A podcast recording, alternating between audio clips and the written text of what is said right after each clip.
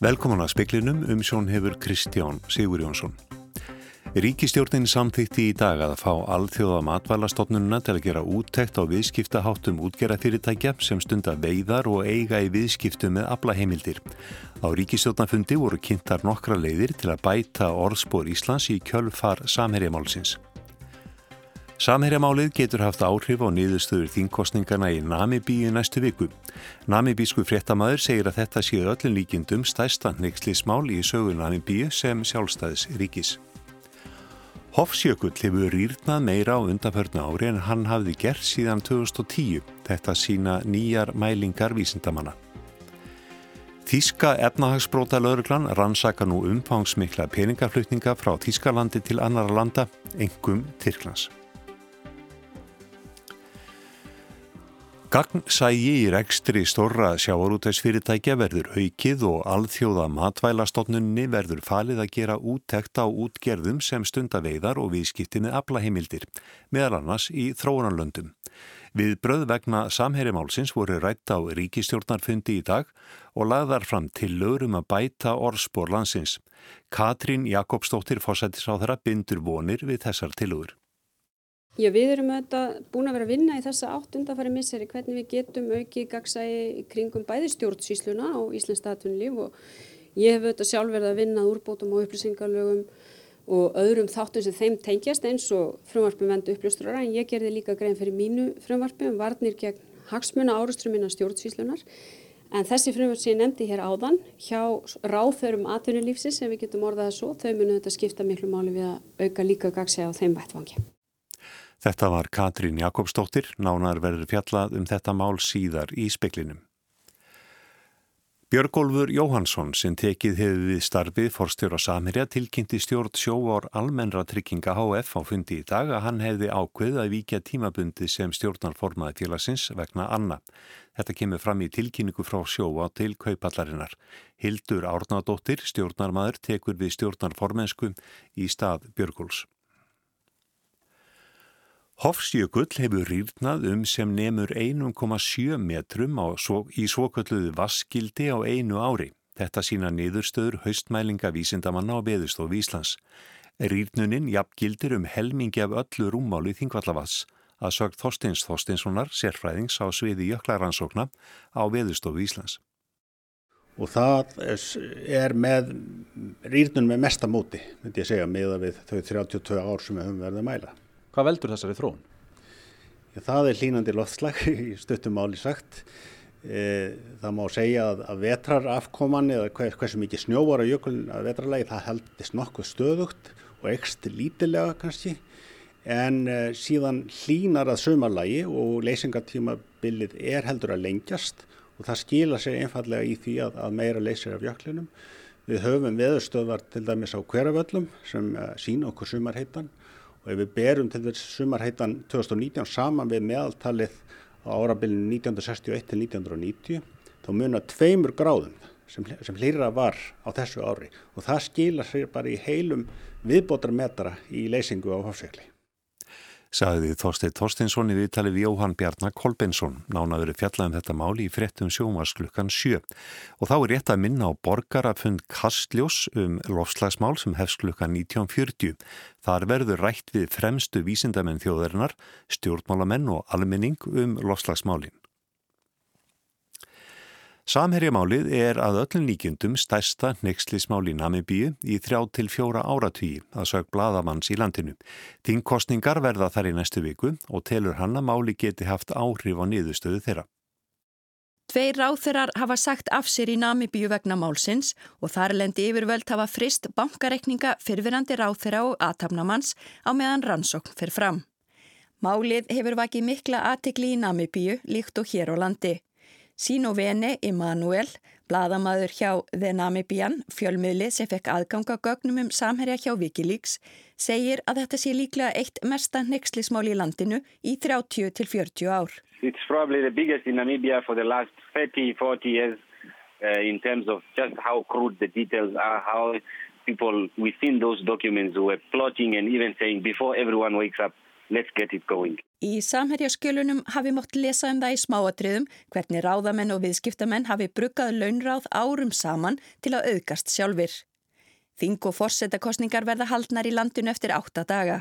Emanuel segir að málið eigi líklega eftir að hafa áhrif á nýðustöður þeirra, þó ekki afgerandi áhrif.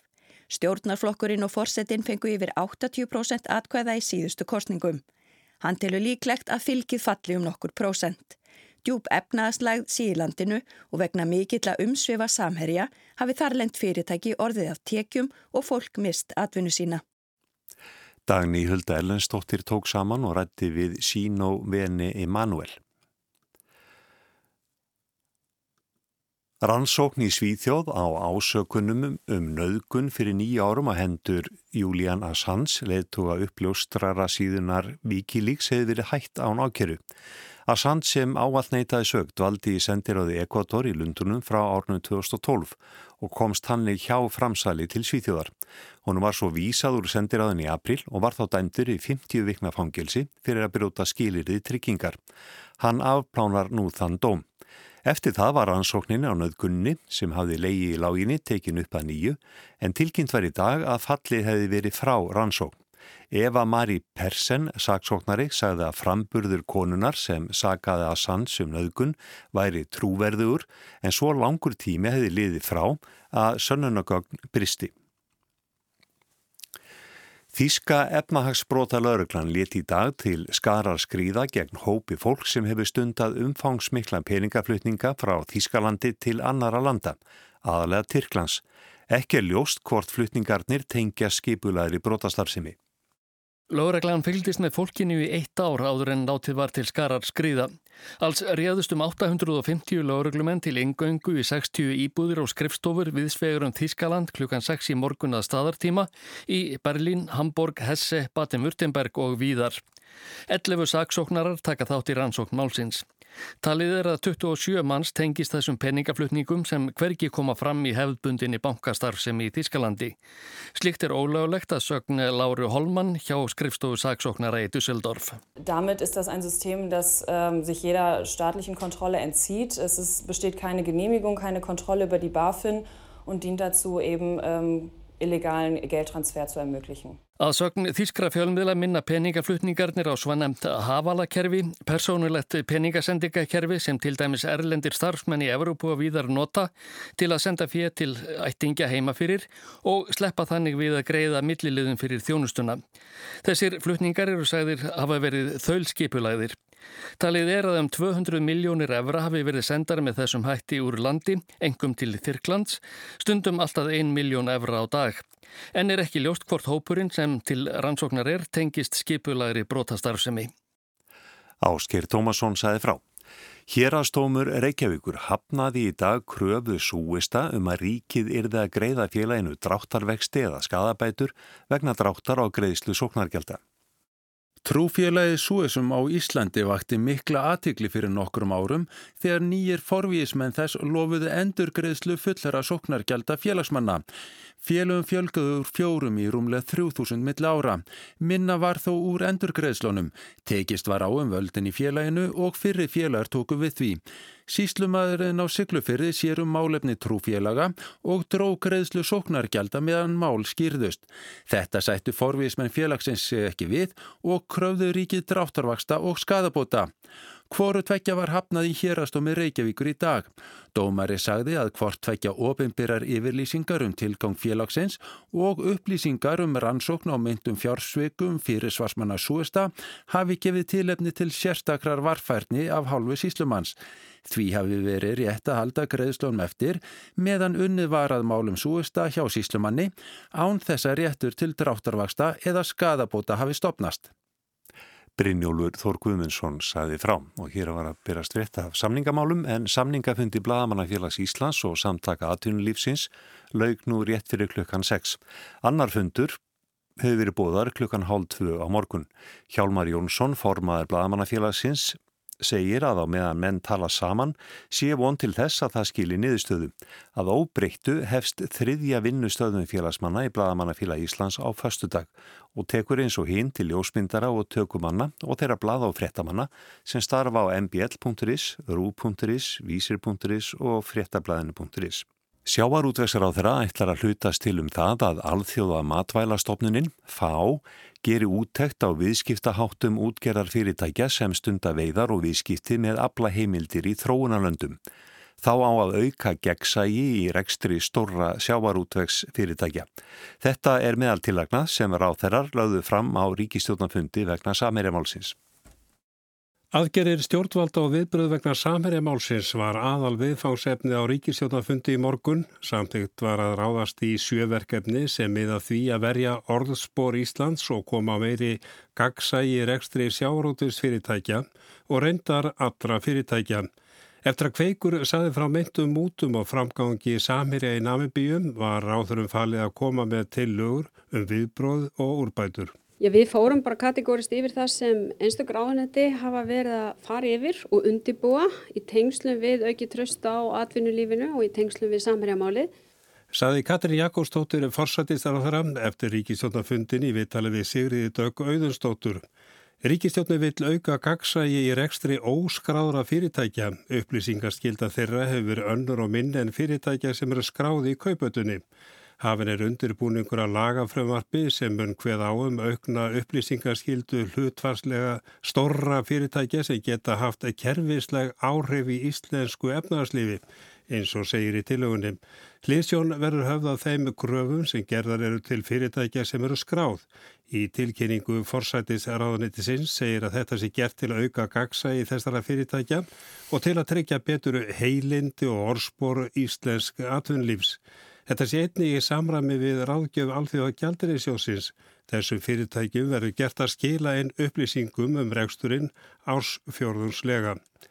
Það kemur ekki óvart að sjáurútistráðara laði fram þrjár tilugur um breytingar í fyrsta lagi að auka gagsa í rekstri stórra sjáurútisfyrirtækja, sama gildur um þau og lagtir til um óskráð fyrirtæki, en sjáurútistráðara ætlar að taka til sérstakrar skoðunar hvort gera þurfi enn ríkari kröfur til stórra sjáurútversfyrirtækja.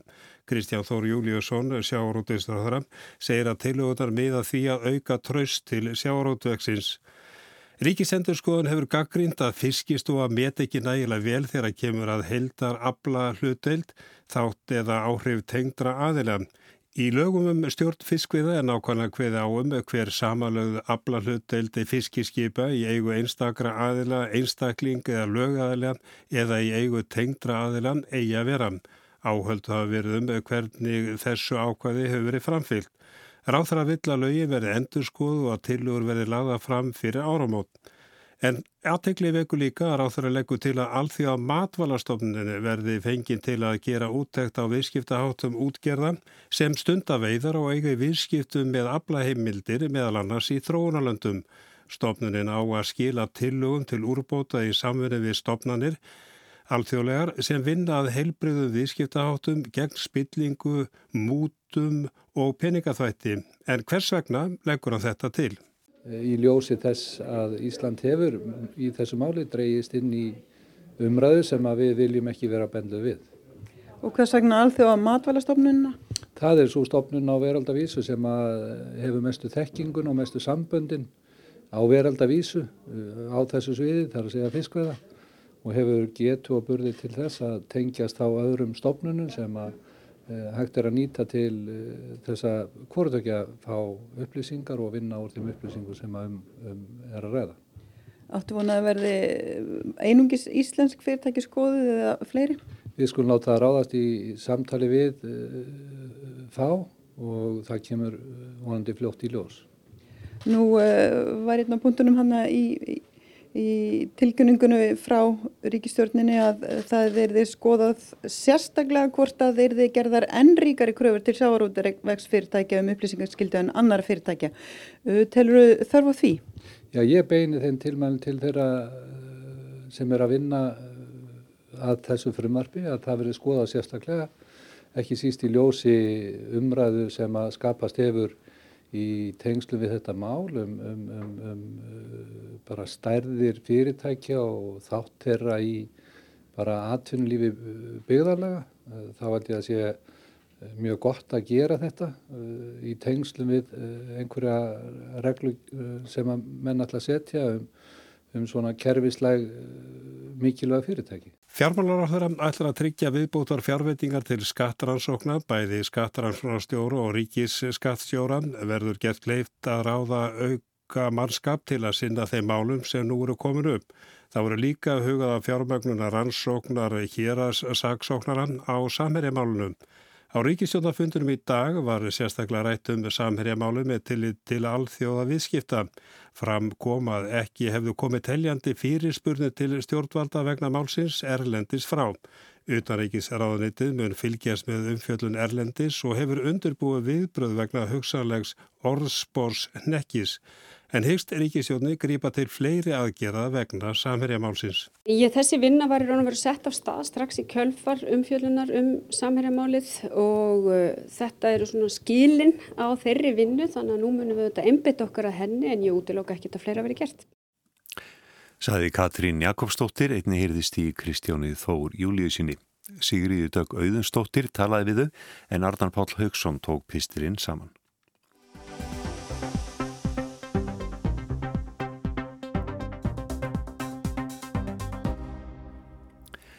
Ef kostnaður fyrirtækja við að framfylgja reglum er kvati til lögbróta, þá eru slíkir kvatar ansi víða í kerfinu. Þetta er mat umhverfustofnunar. Stofnunin vísar því á bug að það sé kvati til þess hjá þeim sem vinna með kælikerfi að hleypa öflugum gróðrúsaloftegundum, svo kalluðum F-gösum út í andrumsloftið. Stofnunin viðkennir að reglum um að þeir sem vinna með kælikerfi Sjöu vottaðir hafi ekki verið fyllt en segir að úr því verið bætt á næstunni. Þá hafi eftirlit með innflutningi á F-gösum verið hert. Speillin hefur undanfarið fjallað um F-gös, kælimiðla sem listu ósón eðandi efni af hólmi á sínum tíma en á nú að taka úr umferð því þau hafa svo mikinn natt línunar mátt, eru mörg þúsundunum öflugri en koltisýringur. Á næstu tíu árum stendur til að hætta innflutningi á F-gössum í þrepum og taka upp umhverfisvætni kælimila á borði kolsýru og ammoniak. Í ár var settur innflutningskvóti á F-göss og á næsta ári verður bannaða þjónusta kerfi sem nota þann kælivökva sem er í mestri umferð hér. Stjórnvöld heikjast að auki leggja skatt á hvert innflutt kíló af gössunum að hámarki 10.000 krónur frá og með 2020. Starfsmenn fyrirtækisins kælitækni sögðu í samtali við speilin í síðustu viku að ástandið í kælibransanum myndi helst á vilda vestrið. Nær ekkert eftirlitt, ekki gerð krafa um að starfsmenn sem sinna viðhaldi kerfa séu vottaðir, þó gerðar hafi verið kröfur um það í reglugerði tæpan áratug og svo kvati til þess að láta innvolskerfana, F-gösin, gossóti í andrusloftið því það sé fljótlegra og ódýrara en að tappa og kúta og skila þeim í förgun. Eftirliti er náttúrulega lélegt bæjarsett og nánast ekki neitt. Þú ert þarft ekki að vera vottaður kælimaður. Þú getur ráðið blikkara, rafvirkja sem er aldrei unnið við kælikerf og hann má fara að sjóða og vinna við lagnir undir þrýstingi og ekkert, ekkert sem stoppar hann í því. Ég get ímynda með það að það sé mjög mikið um það, að þetta sé sett bara beint út í loftið. Það er nú kannski einhverju stofnum sem ætti kannski að vita meira um það, kannski er þetta skráð til þeirra. Aðalmálið er náttúrulega bara það að kælumil hefur hingað til að vera mjög ódýr. Kíláðu á kælumilum hefur eiginlega ekki kostan eitt. Ég held að menn hafi bara hugsað ok, hörðu, ef ég er að fara að eða þarna fleiri, fleiri klukkutímum að tæma þetta stóra kerfi á okkar að tímin minn er mun dýrar heldur en bara leipast út og setja bara nýjan á. Við erum að taka vel eftir því að, að við erum að tapa verkum út á því að, að, að við viljum hafa kerfin lögleg Svona hljóðar stutta útgáfan af gaggrinni starfsmannanna, Yngvars Kristinssonar sölustjóra og Elís Sigurjónssonar tæknistjóra kæltækni. Þeir gaggrína stjórnvöld líka fyrir seinagang, segja markaðurinn sé ítla undirbúin og í hálgerðri af neitun. Ný reglugerð hefði þurft að koma miklu fyrr og það hefði þurft að kynna breytingarnar fyrir fyrirtækjum sem nota kælikerfi. Í skriflegu svari umhverfustofnunar við fyrirspunt speilsins kemur fram að hluti gaggrinni starfsmanna kælitækni í rétt á sér. Æskilagt hefði verið að ný Evrópuræklu gerðum F-gurs hefði verið innleitt hraðar en að lagatæknilegar ástæður skýri töfina. Ný reglugerðum flúoraðar gróðurúsaloftegundir er að sögn umhverfistofnunar í smíðum í umhverfis og auðlindaráðunetinu og væntanlegi samráðskáttina á næstu dögum. Hvað var þar kynningu á fyrirhugðum breytingum segist stofnunin reglulega hafa haldið fundi með hagsmunaðilum á síðustu árum. Stopnunin gengst við því að vottunarmál hafi verið í ólestri og af langan tíma hafi tekið að koma þeim í skýran farveg en nú horfið til bóta. Á næstunni eigi starfsmenn að geta sótt sér vottun til tækniskólans. Í reglugerðum flúoraðargastegundir sem er frá árunni 2010 er þess krafist að þeir sem sinna viðhaldi á kælikerfum séu með vottun frá faggildri vottunarstofu. Í svari umhverjustofnunar segir að faggildingar krafan hafi verið ásteitingarsteinn þar sem að það sé kostnaðarsamt og flókið fyrir vottunræðala að fá faggildingu. Þessi krafa sé sér íslensk og ekki fyrir hendi í Evrópuræklugerðinni. Í svari stopnurinnar segir að umhverjustofnun hafi undanfarið unnið að því að bæta eftirlitt, innflutningseftirlitt hafi verið hert umtalsvert á síðustu árum með virku samstarfi við tollstjóra en stopnuninni sé ljósta með kvótasetningu og fyrirhugaðri skattlagningu þurfi að ebla eftirlitið enn frekar. Þeir Elís og Yngvar telja hægt við því að smigla á efnunum færist í aukana þegar skattur leggst á innflutning og því sé brínt að ebla eftirlitt. Bann við innflutningi á því F-gasi sem mest er notað hér tekur gild á næsta ári en áframverður í lægi fram til ársins 2030 að nota kælivökva sem endurheimtur hefur verið af öðrum kerfum. Starfsmenn kælitækni sögðu vafa leika á því hvað teldist endurheimtur kælimiðil. Þessu hafnar umhverjustofnun í reglugerðinni séu skýrar skilgreiningar. Umhverfistofnun tekur ekki undir það það vegna þess hversu ódýr efnin hafi verið hér, hafi verið kvati til þess hjá rekstraræðilum að sleppa guðsunum út í loftið þegar að skipta um gas á kælikerfi í stað þess að tappa þeim á kúta og skila þeim til förgunar. Í svarinu segir að vissulega þurfi þeir sem tæma efni út af kerfum að vera með fagþekkingu og því fylgir kostnaður en ákvörðunum að gera það ekki til að spara fjármunni sé til marksum einbyttan brotavilja. Sé það kvati til að bróta reglur að fylgni við þær geti kosta peninga séu kvatatnir til lögbrota ansi víða í lögum og reglugerðum. Samkvæmt tölum úrvinnslu sjóðs hafa tæplega 5 tonn af F-gösum verið flutt út til förgunar á síðustu tíu árum. Í svari umhverjastofnunar kemur fram að erfitt sé að leggja mat á tölutnar því ekki líki fyrir hversu mörg kælikerfi séu starrætt hér á landi eða hversu mikið af efnunum sem flutt eru innliki á lagurum. Stopnunin geti þó með vissu sagt að miða við tölur úrvinnslu sjóðs skilir sér mun minna inn til eyðingar eða endurvinnslu en flutt sé inn Innflutningur nemi 20 tonna á ári. Arnildur Haldanóttir tók saman.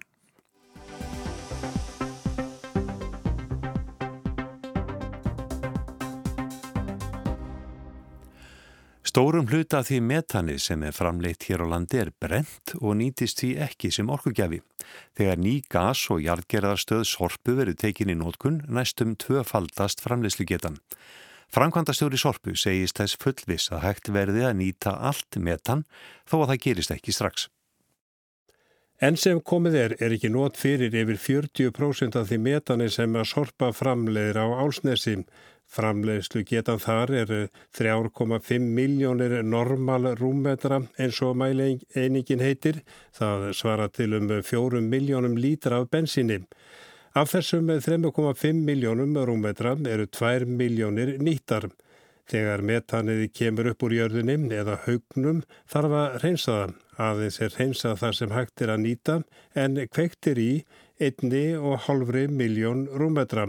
Með tilkomu gas og jargerastöðvar eikst framleyslu geta sorpu á metanum 3 miljónir rúmmetra til stóða að opna stöðun í februar á næsta ári vegna van áallunar á framleiðslu kostnaði er ljóst að eh, hún kemst ekki í gagnið fyrir inn í april. Stöðun sjálf verður afhengt í februar en opnun frestast vegna þess að ekki næsta að klára flokkunarstöð á tilsettum tíma.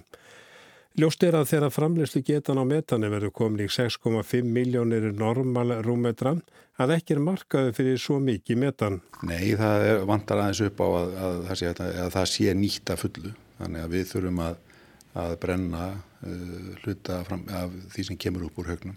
Segir Björn Há Halldórsson, framkvæmtastjóri Sorpu, en hver er skýringin af því að ekki hefur tekist að nýta metanið sem skildi? Já, það hefur gengið kannski verra að koma þess á aukutæki heldur en við ætluðum og, hérna, og umhverju kannski ekki verið okkur alveg, alveg hlýðholt í því.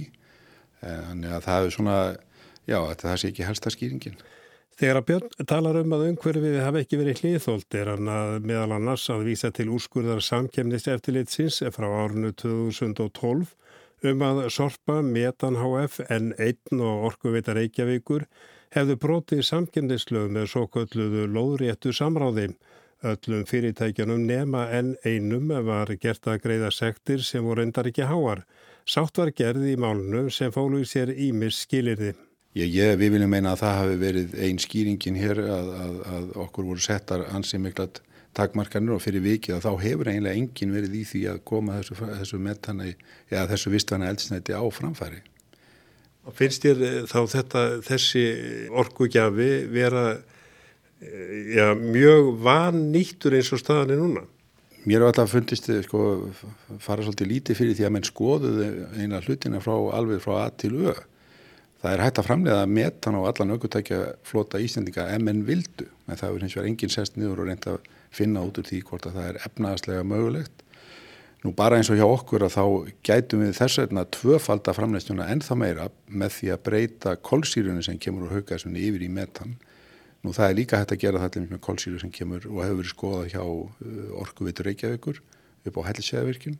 Þannig að það eru ímsir möguleikar fyrir frekari metanframleistu hér, hér á landi. Hlutur metanbíla af bílaflóta okkar er um 0,7%.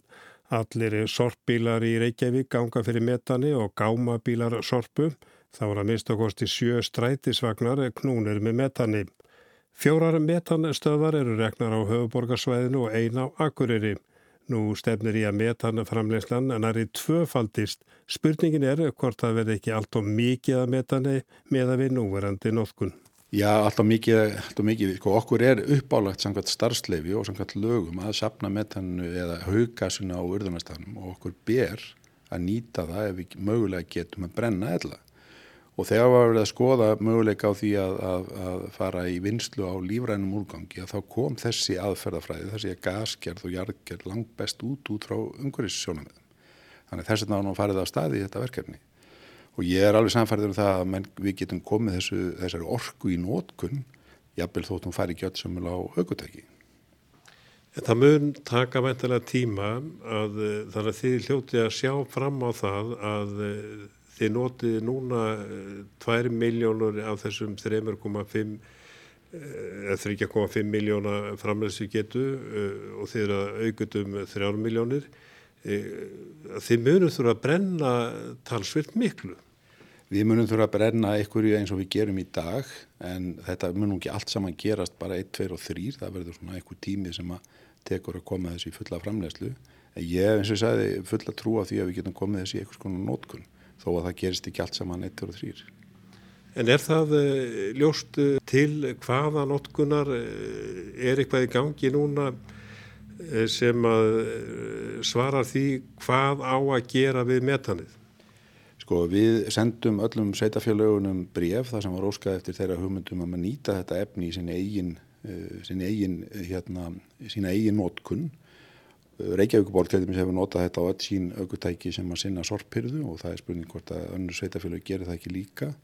Síðan er, hafa verið viðræður við strætt og BS um að, um að nýta þetta jafnvel á, á eitthvað luta af, af þeirra bílaflota en það er ekki konar niðurstöður í það og svo eru áhuga samir sem að hafa líst yfir áhuga að nýta þetta efni í annað heldur en aukutæki.